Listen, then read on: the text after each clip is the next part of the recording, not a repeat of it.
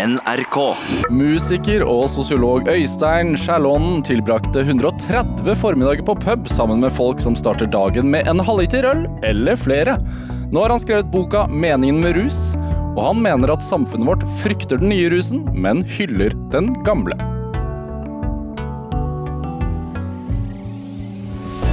Dette er Drivkraft med Vegard Larsen i NRK P2.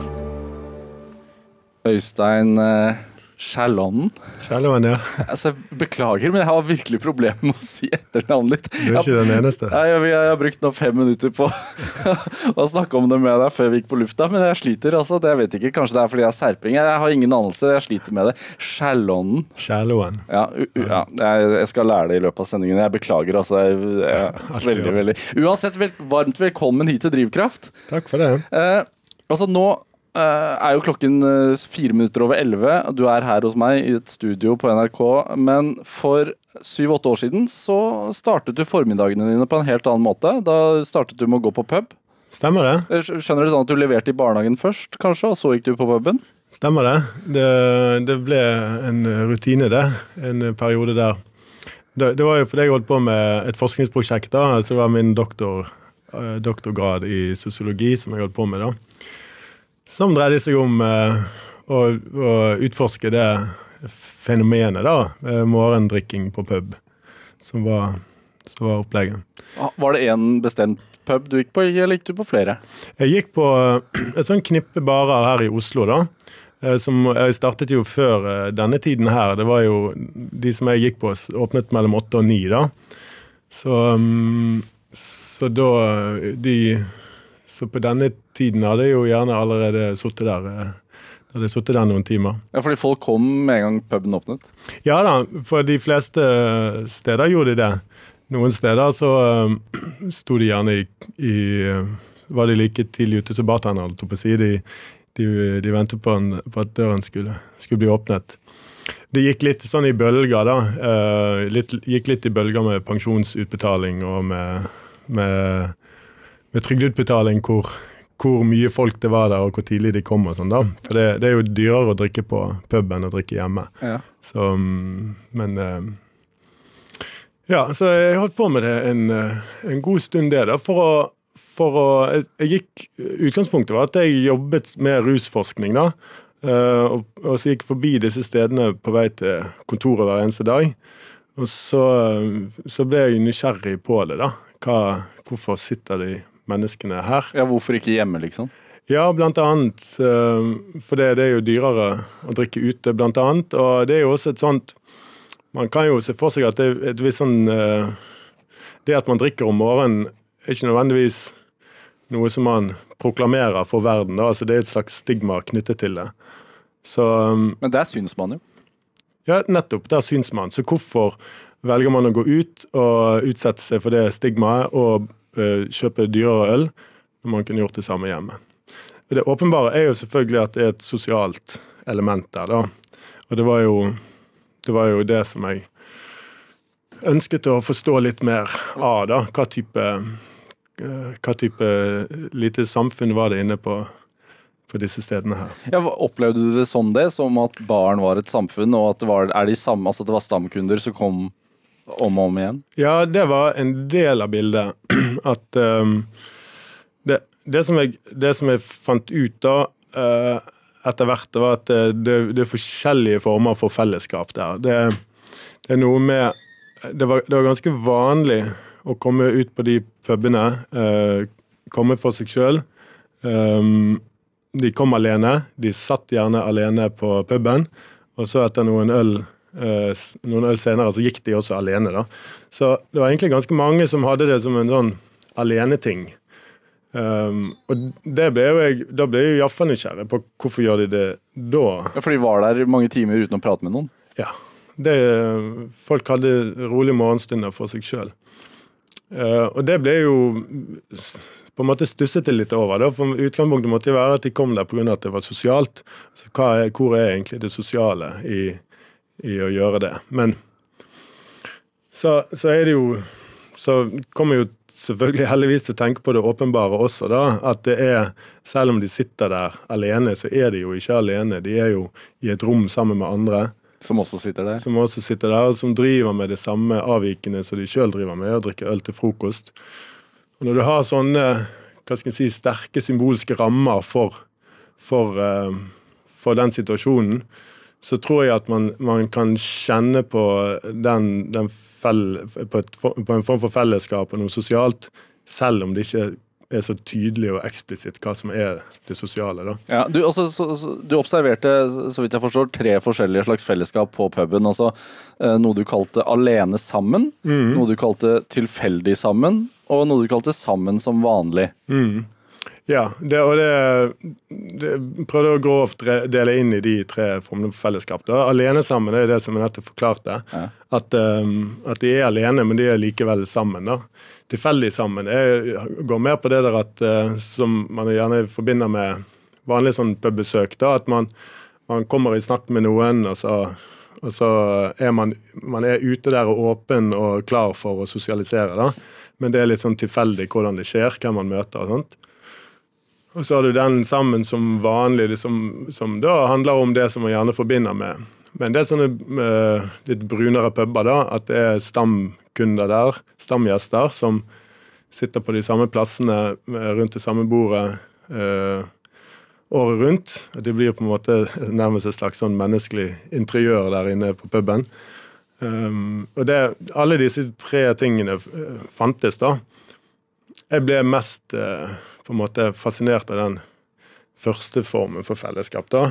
For det, det som Alene sammen? Alene sammen, For det, det, det sier noe om, da, det er når folk gjør det dag etter dag og går ut alene, uh, og sitter alene sammen i et rom med andre, så, så, forteller det noe om hvor lite som trengs før man opplever en form for fellesskap. Da, før, før liksom uh, skillet mellom fellesskap og ensomhet uh, brytes. da, altså det og det, og det, ja, det syns jeg var interessant og litt viktig og, og fint å tenke på på den måten at det ikke alltid er så mye som skal til før, før, man føler seg på en eller annen måte Før man føler en form for tilhørighet. Hva, hvordan fikk du tilhørighet? Altså hvordan, fordi du, du kom jo dit som sosiolog og skulle iaktta og gjorde også intervjuer eller? Ja, jeg gjorde ikke sånn eh, typisk intervjuer at vi satte oss ned med båndopptaker og sånn.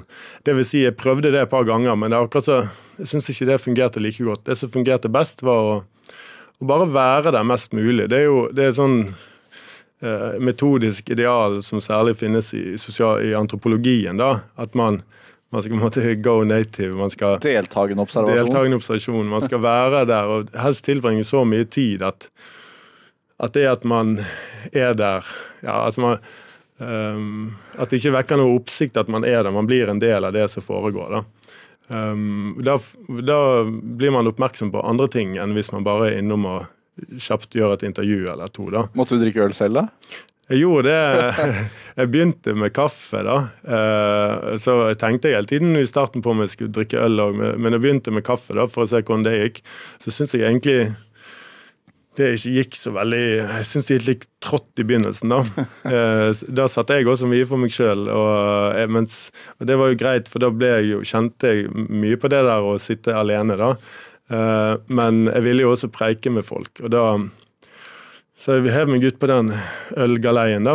Og, og, og det hjalp. Jeg tror det hjalp på to måter. Det ene var at det, det hjalp meg og min følelse av å sitte der, da, at jeg skilte meg mindre ut.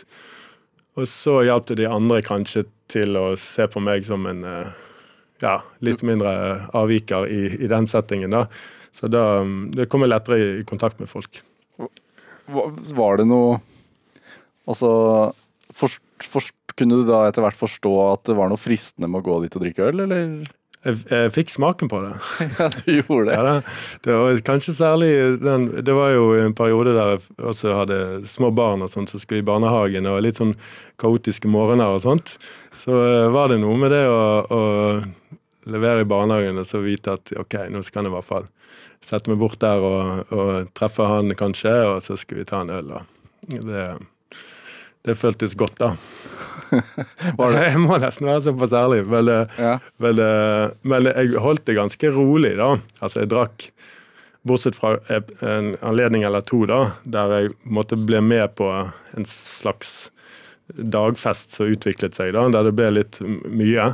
Så holdt det meg til én eller maks to øl da, for det meste. Men to øl før klokken ti-elleve også, du kjenner det. da. Så det, ja. Var det noen Altså, skjedde det at du ble observert av noen som kjente deg? Det var jo jeg skal innrømme, jeg var jo litt redd for det, og kanskje særlig sånn at at barnehagetanten kom forbi, da, som begynte på jobb klokken ni først, og så så hun at uh, Eller altså, sånne folk som du på en måte uh, En ting er nære venner som du kan fortelle situasjonen til, da, men, men uh, de mer sånn perifer bekjente eller noe sånn type folk, at de skulle se meg der, um, skal jeg innrømme at jeg var litt, var litt redd for. Så da var det én bøyg å sette seg i, på de pubene i det hele tatt, men så den neste bøygen var når det var liksom sommer og fint og uteserveringene åpne på de pubene. Og sitte ute, gaten, liksom ute, i gaten og drikke øl klokken åtte eller ni om morgenen var på en måte, ja, Da kjente jeg ekstra på det der. da, Tenk hvis noen ser meg. Det, det her var jo en del av doktor, doktorgradsavhandlingen din, men, mm. men og du, du, sier jo selv at du kunne kjenne på en eventuell, altså en følelse av en skam, kanskje, og eventuelt bli sett der. Men opplevde mm. du det Opplevde du det at for de som, som satt der, og som opplevde dette fellesskapet, og som mm. hadde det som en naturlig del av hverdagen, var det skam involvert for de? Mm, jeg vet ikke. Kanskje til dels. Det var nok litt varierende, det, da. Um, men det, blir, er nok også sånn at det, hvis man gjør det jevnt og trutt, så blir det en vane. Og da, da, uh, da kommer nok den skammen litt i, bakgrunnen. Og, um, og en del tenker nok også at det er ingenting å skamme seg for. Skal, folk kommer der med mange forskjellige bakgrunner og, og, forskjellige utgangspunkt og motiver for det hele. Da. Noen, det er jo ikke sånn at alle som sitter der, er hva skal jeg si, sånne hardbakka alkoholikere. Det er jo mange som ikke er det. det er mange, en del av de er jo pensjonister og våkner tidlig. og de har kanskje en sånn ekstra tørst etter alkohol, men det er ikke, måte, det er ikke nødvendigvis et sånn stort alkoholproblem som går utover alt i livet. Det, det er mer det at de våkner tidlig og, og, har lyst på en øl, og så går de der og tar den eller en, et par øl, kanskje. Og så går de gjerne videre. Det er ikke sånn at de sitter der til de på en måte sjangler ut uh, seint på ettermiddagen. Hvorfor, altså det er jo, Hvis man skal ut og fly og er på Gardermoen f.eks. En, en tidlig morgen, så sitter jo folk der og drikker pils halv sju om morgenen. De gjør det. Og det er helt greit. Hvorfor er det mindre stigma rundt det enn å gå ned på nabopuben? Det er fordi at da hører ikke den drikkingen til hverdagen. Altså når man skal ut på ferie, så, eller skal ut og fly, så, og det er gjerne når man skal på ferie, det er jo ikke hvis man skal på en jobbreise at man drikker øl så tidlig, men det er når folk skal på ferie. Og det er jo da eh, det er det som er de aksepterte sonene for rus i samfunnet. Det er jo, det er jo når, du, når du, de vanlige arbeid og andre forpliktelser er på en måte ute, og du har anledning til det. Da det blir en sånn overskridelse av, av det vanlige. Og ferie er jo en sånn type ting, så da, da fyrer man i gang ferien med, med en øl på, på, på, flyplassen. ja. Men det sier jo noe, også noe om at det er jo uh, Ja, ja hvis, ja, det, det, sier noe om hvor situasjonsbestemt det er. da, Hvordan vi, hvordan vi definerer, hvordan vi oppfatter og til, tillegger mening til sånne situasjoner. Hva som er greit og ikke. Hva, eh, hva, altså, så du noen fellesnevnere for de som, de som satt på puben så tidlig og brukte formiddagen der? Um, ja, jeg kan jo ta utgangspunkt i hva de, en del av de fortalte sjøl. Eh, handler jo om at det er det var for det meste menn, eh, godt opp i årene. En del pensjonister, en del nærmer seg pensjonistalder. Og, og mange av de, ikke alle, men mange lever gjerne alene. Uh, har ikke nødvendigvis uh, noe sånn daglig nettverk ellers. Um, og så, så, er det jo For veldig mange av de så er det jo en ekstra tørst alkohol. da. Mange, en del av de kaller seg alkoholikere. Noen kaller seg periodedrankere. Men altså, at det er en sånn ekstra tørst etter, etter alkohol, er jo også, også kjennetegnet der. da.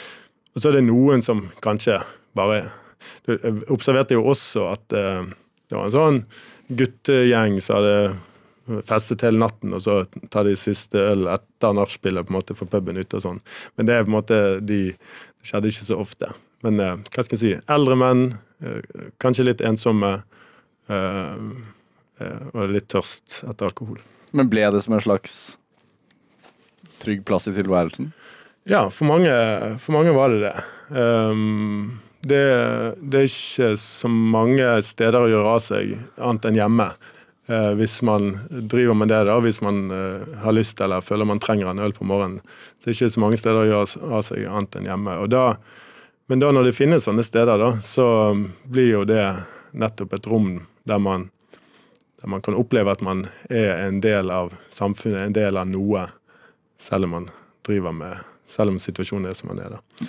Så Sånn sett ble jeg også glad i steder som morgenpuben, og at de finnes. At det, at det finnes små rom av eh, liksom fordomsfrihet og, og, trygghet og tilhørighet, også når man driver med noe som er avvikende. Ja, For det er sånn du leser de stedene?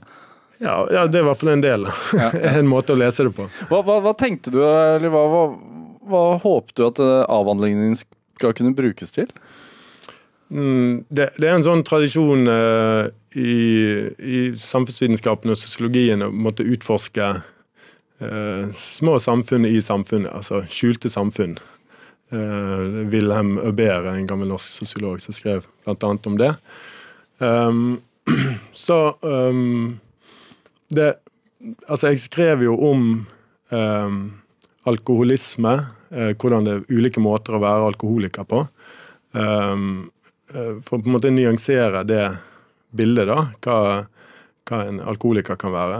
Jeg så skrev jeg om det fellesskapet, at disse stedene er ikke bare eh, Det er ikke bare steder for såkalte alkoholikere å, bare håndtere sin avhengighet, men det er også det, det, det er uttrykk for fellesskapet. Og så skrev jeg også om kjedsomhet. da, um, som For de som, en del av de som går der, jo, har jo også lyst å slutte å drikke innimellom. I hvert fall, hvert fall for en stund, da. Um, og um, mange av de tar pauser innimellom, men uh, mange snakket også om kjedsomheten som grunn til at man måtte vende tilbake til alkohol. da. Uh, og det tror jeg er litt sånn Det høres så ordinært og vanlig ut. At, kjed, at kjedsomhet, alle opplever kjedsomhet. og man må på en måte lære seg å leve med litt kjedsomhet. Men jeg tror den eh, opplevelsen av kjedsomhet er eh, mer Den er ganske, kan være ganske kraftig, i hvert, fall, i hvert fall hvis man får en sånn dyp følelse av kjedsomhet. av hvor er hvor er meningen med dette her? Hvorfor? Jeg kan jo sitte der på puben og ha de type samtaler, eller så kan jeg sitte hjemme med kjøkkenbord og, og drikke kaffe og skru på TV og Hva er meningen med det, liksom? Da er jeg 70 år. Eh, så da går du heller ned og flykter fra kjedsomheten på, på puben. Ja, Da føler man faktisk har gjort noe i løpet av dagen. Ja. Dette er Drivkraft med Vegard Larsen i NRK P2. Og i dag har vi musiker og sosiolog Øystein Skjærlånen her hos meg har fremdeles feil etternavn. altså. Jeg klarer ikke å si dette her. Helt i orden. Jeg beklager. det er forferdelig trist, men sånn er ja, Jeg skal ikke prøve engang. Det blir bare flaut. Beklager. Kan være Øystein, du. Øystein, det er veldig hyggelig. Eh, mm, vi vi snakka om feltarbeidet ditt på pub, eh, og så er du jo musiker. Mange kjenner deg som bassisten i bandet Real Ones. Dere har eh, 25-årsjubileum i år. Det har vi. Gratulerer med det. Takk for det. Eh, altså, men jeg tenker som musiker, et kreativt yrke, mye på turné. Eh, hvor naturlig del av det livet er rus? Altså, der er rus. Uh, det er jo ingen hemmelighet at uh, rus uh, har en plass i, i musikkverden. Jeg tror ofte han blir litt overdrevet også, da.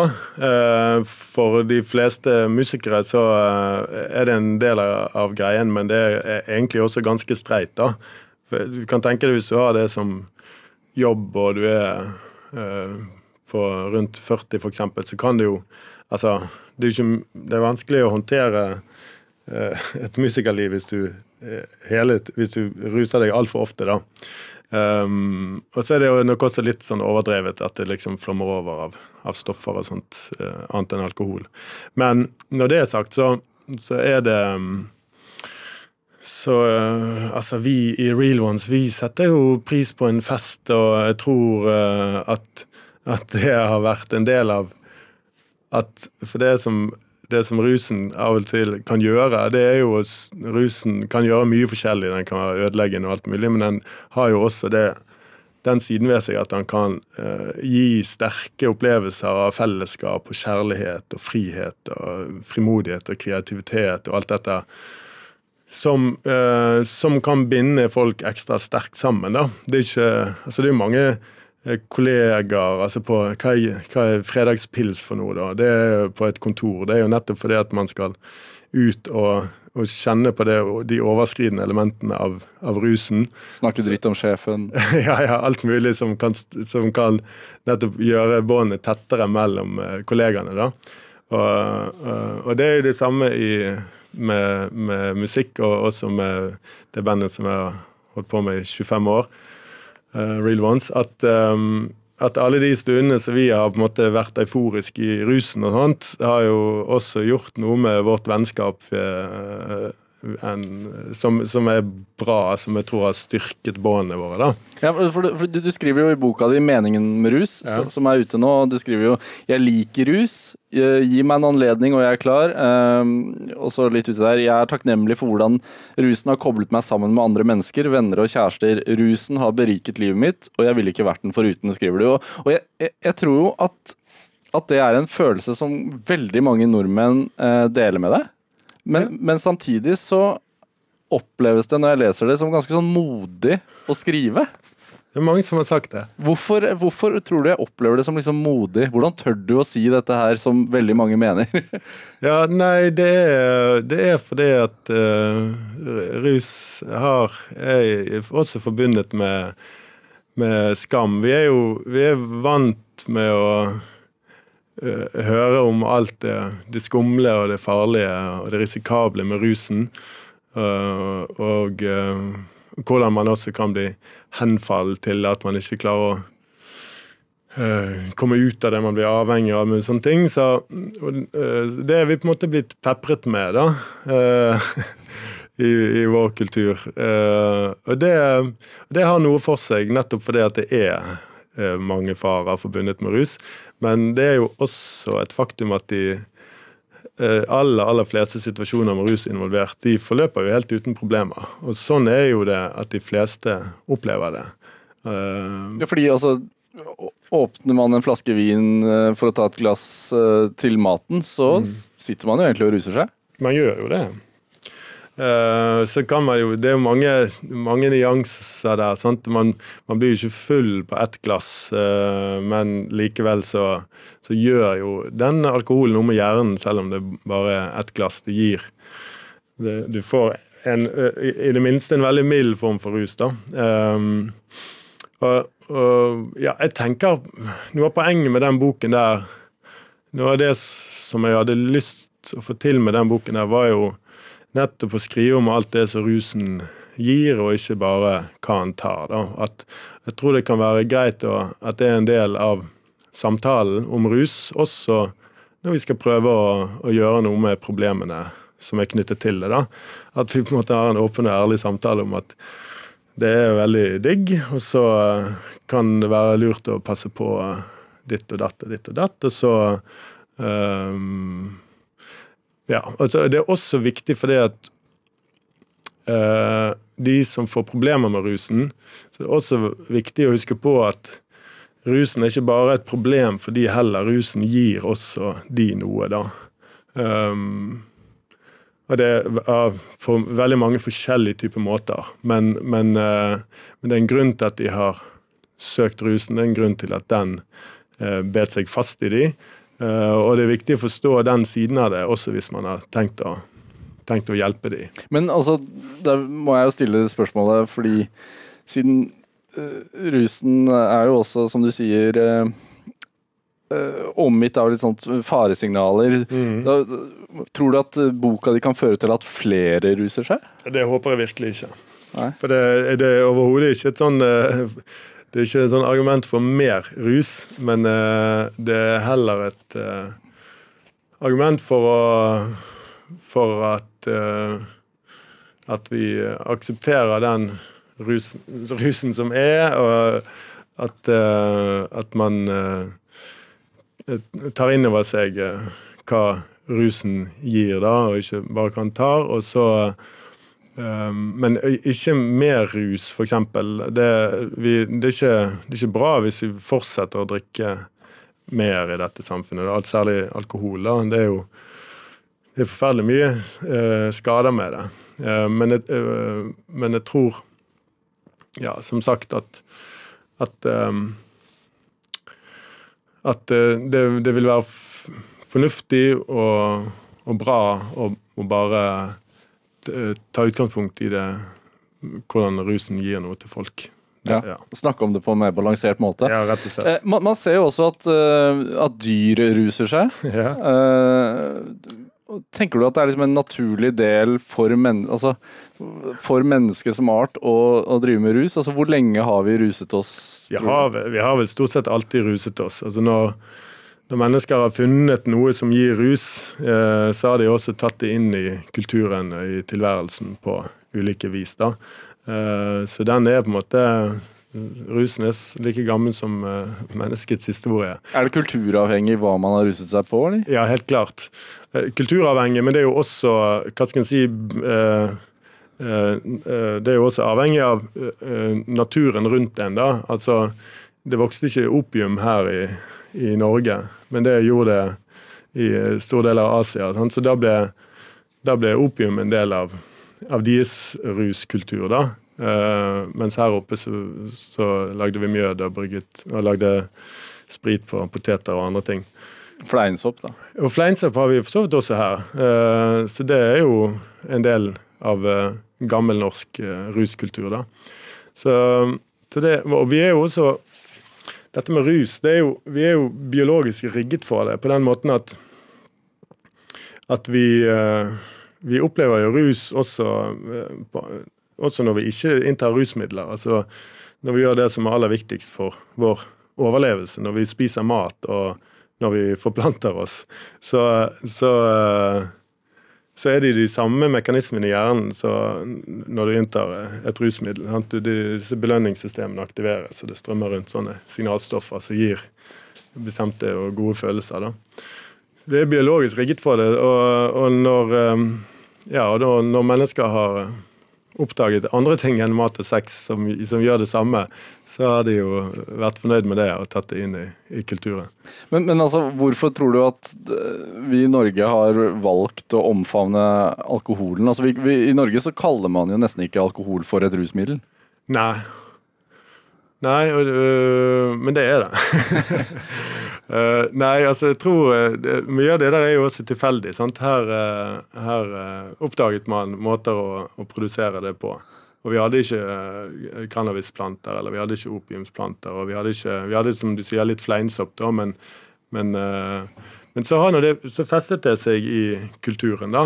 og så er jo ofte kultur sånn seig, seig materie, da. Det um, det, det, ting fester seg eh, dypt i kulturer, og så blir det værende der. Da. Så vi har en veldig lang tradisjon for det.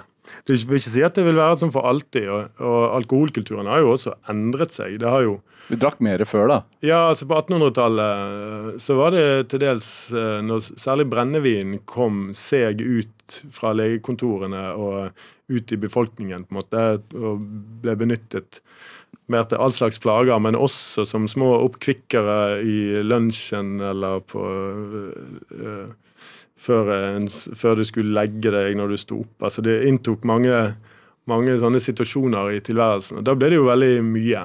Ja, men, jeg, tror vi er alle enige om at vi ikke vil tilbake dit. ja, og jeg tror det er litt for den bakgrunnen at det også må se avholdsbevegelsen som vokste frem på slutten av 1800-tallet og videre, da, og det som endte opp med forbudstiden på 20-tallet. Eh, så kulturer er seige, men de endrer seg også hele tiden.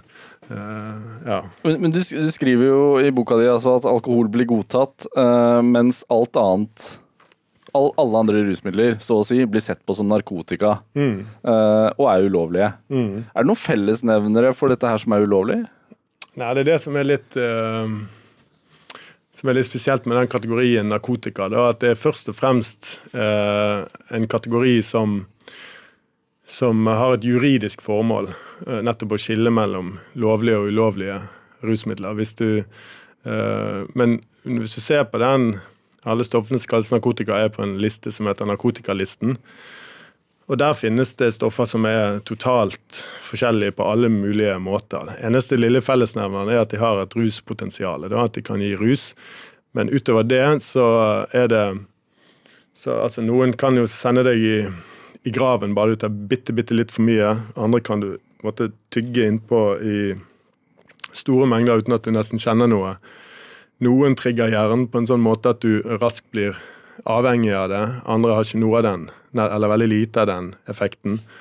Um, så det, dette er jo også mange leger og farmakologer sånn som har sagt før, at det er på en måte en, nærmest en uvitenskapelig kategori. da, uh, som, uh, som det kan være at det kan være greit å se litt eh, nærmere på. da, om, om, vi skal håndtere på en litt annen måte. Og det gjøres jo for så vidt nå. Men den vi har jo noe som heter rusreformen her i landet nå, som skal i alle fall se på uh, kriminaliseringen av alt som heter narkotika. da. Uh, jeg håper at Er boka di egentlig et innlegg i den debatten også? Nei, det er ikke direkte et innlegg, men han tar jo opp dette med, med måten vi har uh, straffet, på, straffet narkotika på. da, At det, det har vært en, en veldig massiv Eh, bekjempelse gjennom strafferettsapparatet, som, ja, som har veldig mange uheldige sider. Da, så er man egentlig usikker på hva man har fått igjen for det. Eh, så, jeg mener jo at vi må slutte med å, å straffe det. da. Um, men boken, boken, er ikke et sånn, først og fremst et innlegg i den debatten, men han tar jo opp de, tar opp de spørsmålene altså. Uh, ja. Altså, uh, du skriver jo om det i boka di at, at uh, eh, 40% av alle straffereaksjoner som idømmes i Norge, hvis man ser bort fra fartsbøter, da, mm. det er narkotikaforbrytelser. Mm. og så skriver du også at nesten én million nordmenn har røykt cannabis en, en eller flere ganger. Mm. og det er, det er voldsomme tall. Ja, det, det, er ganske voldsomme tall. Og det går jo ekstreme ressurser til dette her. Ja, det gjør det. Det går uh, veldig mye ressurser uh, av det som er våre skattepenger, da, fellesskapets ressurser til å, å, å, bekjempe dette gjennom straff. Og når du sier 40% av alle straffereaksjoner, så er jo omtrent halvparten av det igjen da, er jo, er jo straff for kun bruk og besittelse uh, av veldig små mengder narkotika. Og det, det Ja, jeg syns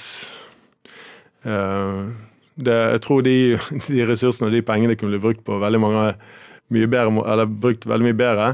Og så er det også en del av bildet at uh, de, den straffen, når du hører de tallene, så er det så er det jo uh, Ja, det er høye tall og alt mulig, men hva, hva er det liksom egentlig? Og, uh, jo, det dreier seg jo da om bl.a. Å, å stoppe en Stoppe å ransake en abstinent heroinist og ta fra han det stoffet han har fått, f.eks., og gi han et forelegg.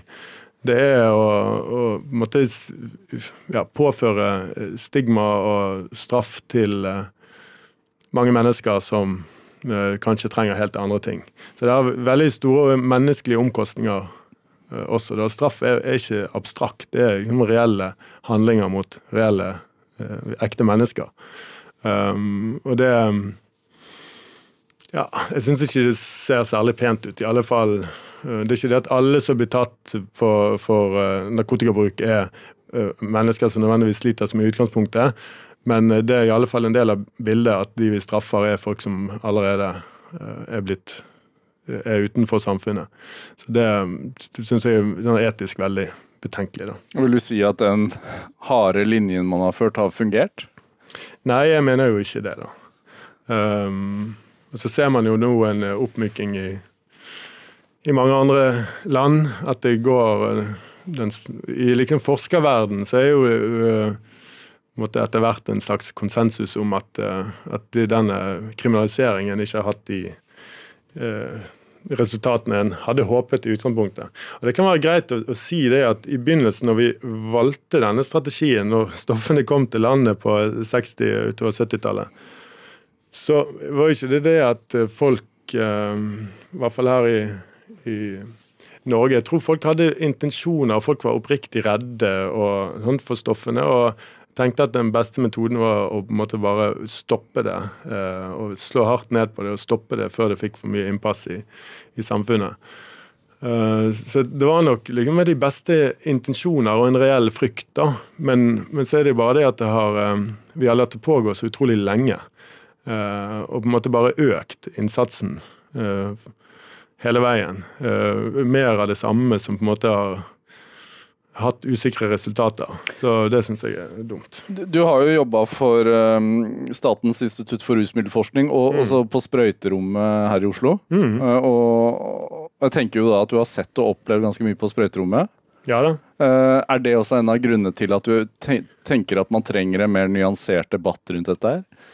Ja, altså Sprøyterommet er jo et type tiltak som som går under det som kalles skadereduksjon, da, der, eh, der, målet ikke er å, at folk skal slutte med stoffene, men at eh, den bruken som uansett skjer, skal skje under tryggest mulig forhold.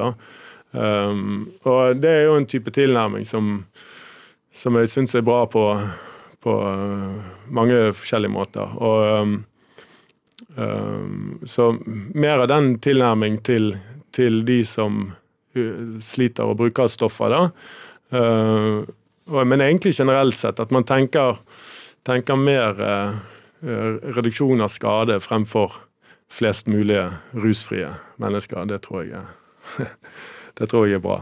Altså det, jeg bare tenker sånn at uh, fordi du, du, skriver jo om skadevirkninger og hva som faktisk påfører kroppen mye skade og sånne ting. Og, og uh, for, for eksempel sånn Foreningen Tryggere ruspolitikk har fått mye kritikk i det siste for en sånn informasjonskampanje de har om, om rusmidler. Uh, hvor de på plakater skriver sånn Thomas døde ikke da han prøvde GHB, han unngikk alkohol hele kvelden og doserte riktig. Uh, hva syns du om sånne kampanjer? Fordi det er, den, det er troverdig, altså det er, det er, en sannhet i den kampanjen. Mm. Samtidig som den ufarliggjør et stoff som mange kanskje ikke har så godt kjennskap til. da. Ja, det må være den eneste på en måte eh, Jeg, jeg syns ikke de på noen som helst måte ufarliggjør det, da. Men, eh, men eh, det kan være at de jeg, jeg, jeg, liker kampanjen, jeg liker måten å tenke på. da, At, at man må ha reell, ordentlig um, informasjon om, om, de stoffene, også de ulovlige stoffene, som gjør at uh, den bruken som skjer, blir uh, altså med minst mulig risiko. da. Man kan selvfølgelig diskutere plattformen, at det henger liksom sånne bannere på T-banen, og sånt om det er rett måte, men det har jeg egentlig ikke sterke meninger om. men den måten som de tenker på, tror jeg er en bra måte å tenke på. Man opplyser vanlige mennesker som kommer til å komme borti disse stoffene uh, og opplyse om hvordan de kan brukes på en, på en tryggest mulig måte. Det, altså uh, meg er det på en måte opplagt at det må, det må jo være greit. Tenker du at informasjon og virkning og farer burde bli en del av skole, skole altså av pensum, nesten? på Jeg vet ikke. Jeg, tenker at uh, vi, vi, driver jo her i det norske samfunnet og uh, lærer barn og ungdom opp i det aller meste. Det var jo masse bråk når liksom, seksualundervisningen kom inn i skolen, og sånt, og mange fryktet jo at da ville jo alle bare ha mye mer sex, og det var farlig. Uh, men jeg tenker jo at uh, i dag så tenker vi jo gjerne at det er bra at folk har kunnskap om, uh, om mange ting med, med sex. Altså, um, jeg husker jo sjøl uh, seksualundervisning på gymnaset jeg gikk på. Så var det jo Altså, det var jo nærmest som det var sånne unge, friske, vakre medisinstudenter som måtte snakket om hvor fantastisk sex er, og, og viste alt om erogene soner og alt sånt. og Uh, samtidig så de opplyst om liksom, bruk av kondom. Vi måtte tre kondom på en sånn banan og øve oss på det. Og, og opplyst om det og, og liksom, graviditet og alt sånt. Så det, eh, det er en sånn tilnærming. Og, uh, jeg vet ikke helt hvordan en sånn type undervisning ville sett ut med rus, men noe av den tankegangen òg, da.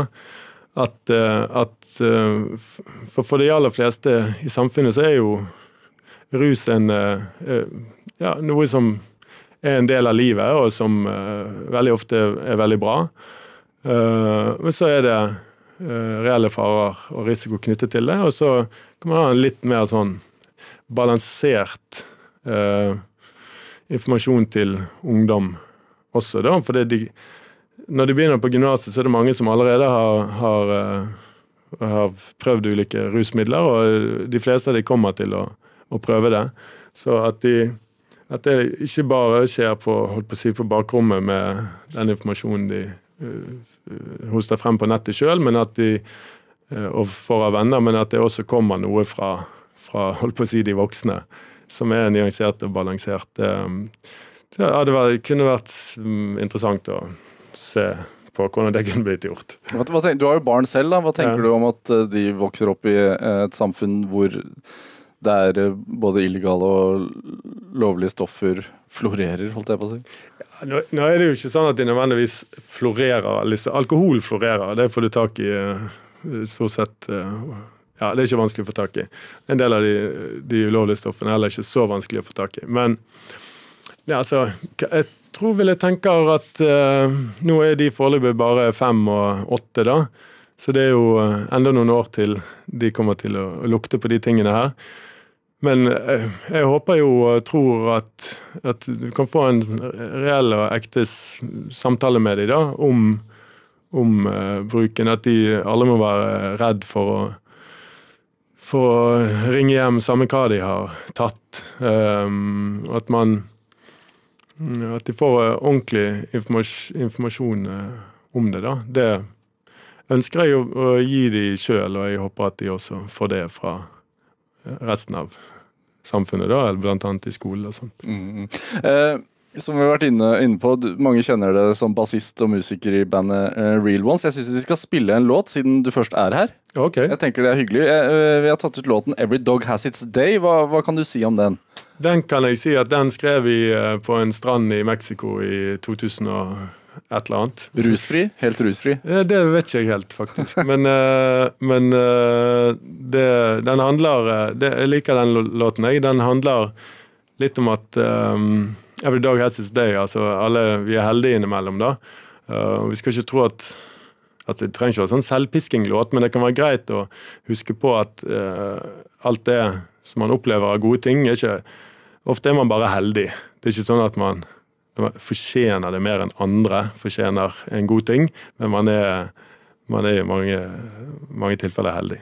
Ok, Her er Every, day, Every Dog Has Its Day av Real Ones.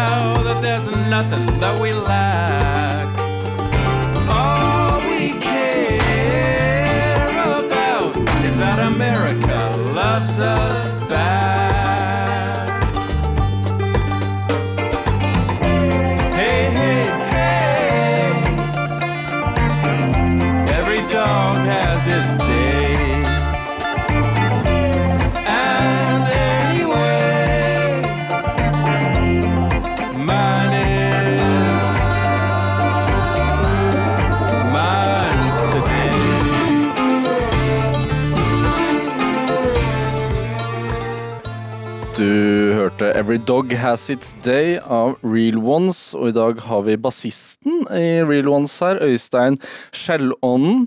Nei, sa jeg det feil igjen?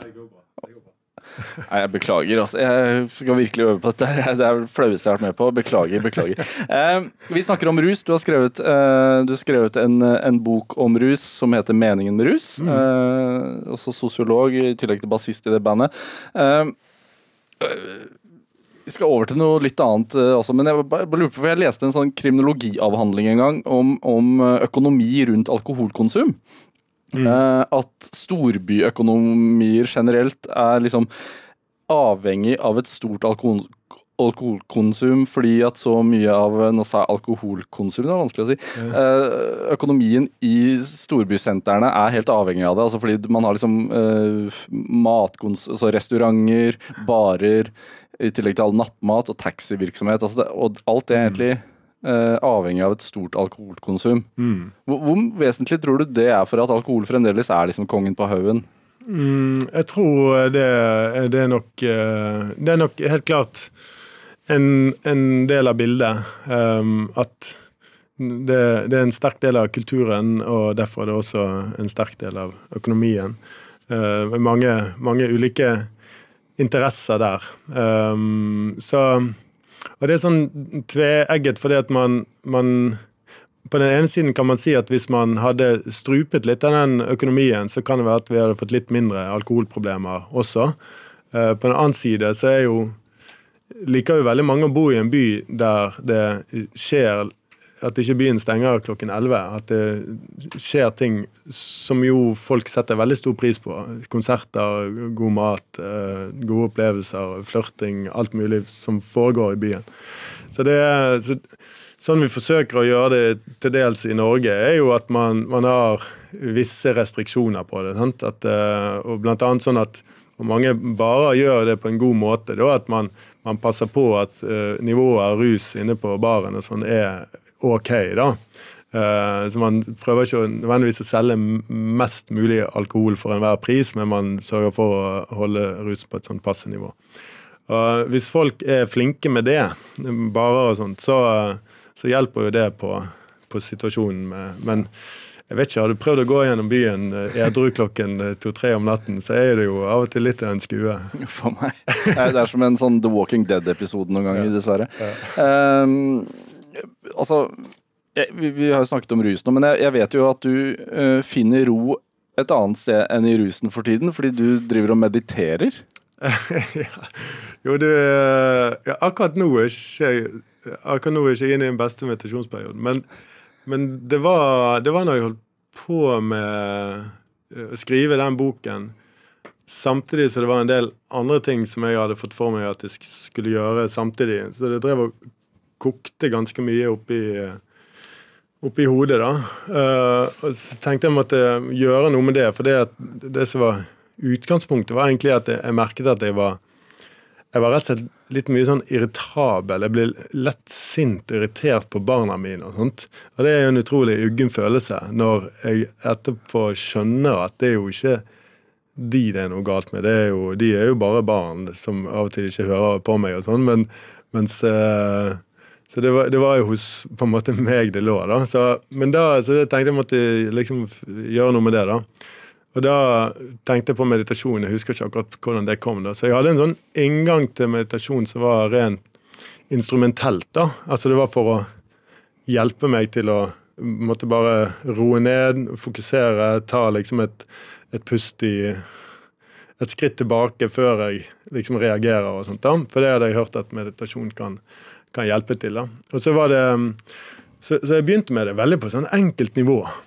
Kun pust og, og Inn med magen, ut med nesen, eller er det omvendt? Nei, nei, bare Jeg tror ikke det er alltid så farlig hvordan du puster, men at du registrerer pusten. Og det var forbløffende vanskelig å sitte i ro og, og, og bare fokusere på pusten inn, ut, inn og ut å gjøre det over tid. For denne bevisstheten vår er jo helt ko-ko. Den, den, driver jo og tar deg i alle retninger uten at du merker det. Så du plutselig, plutselig våkner du på en måte da, og tror at eh, du skulle fokusere på pusten, men så er plutselig tankene på spagettien i morgen eller et eller annet rart sted. da. Så, så og den oppdagelsen, da Meditasjonen hjalp meg faktisk. Det instrumentelle greiene. Jeg, jeg fikk hjelp av det, liksom. Men, men så, så gled det over i en sånn fascinasjon for bevisstheten, da. Som for så vidt også hjalp meg litt i den boken, da. Uh, at uh, bevisstheten er jo på mange måter uh, den vi er, da. Uh, og den opererer på en helt ja, som jeg sa, ko-ko måte. da. Det, hvordan den går på høygir da, og tar deg i alle mulige retninger som du ikke ber om sjøl. Det bare skjer.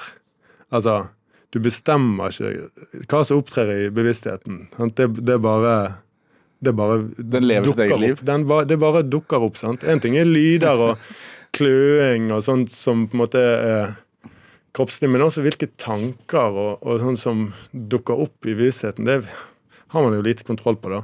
Så, så det var på en måte Det gled over fra å være sånn, ja, som jeg sa, instrumentelt, da, for å få hjelp av meditasjon til noe, til at det ble en fascinasjon også over å bli oppmerksom på bevisstheten. Og jeg synes jo da det var litt rart at jeg skulle leve i 40 år før jeg egentlig var klar over hvor ko-ko bevisstheten er. da og hvor vanvittig sånn flyktig han er. da. Det syns jeg var syns jeg var eh, fascinerende. Men det, som sagt, jeg driver på veldig enkelt nivå. Eh, sånn eh, eh, Når jeg var i gode perioder, og, og, i ganske lang periode, så startet jeg Etter barna var på skole og i barnehage, sånn, så startet jeg med sånn 10-15 minutter.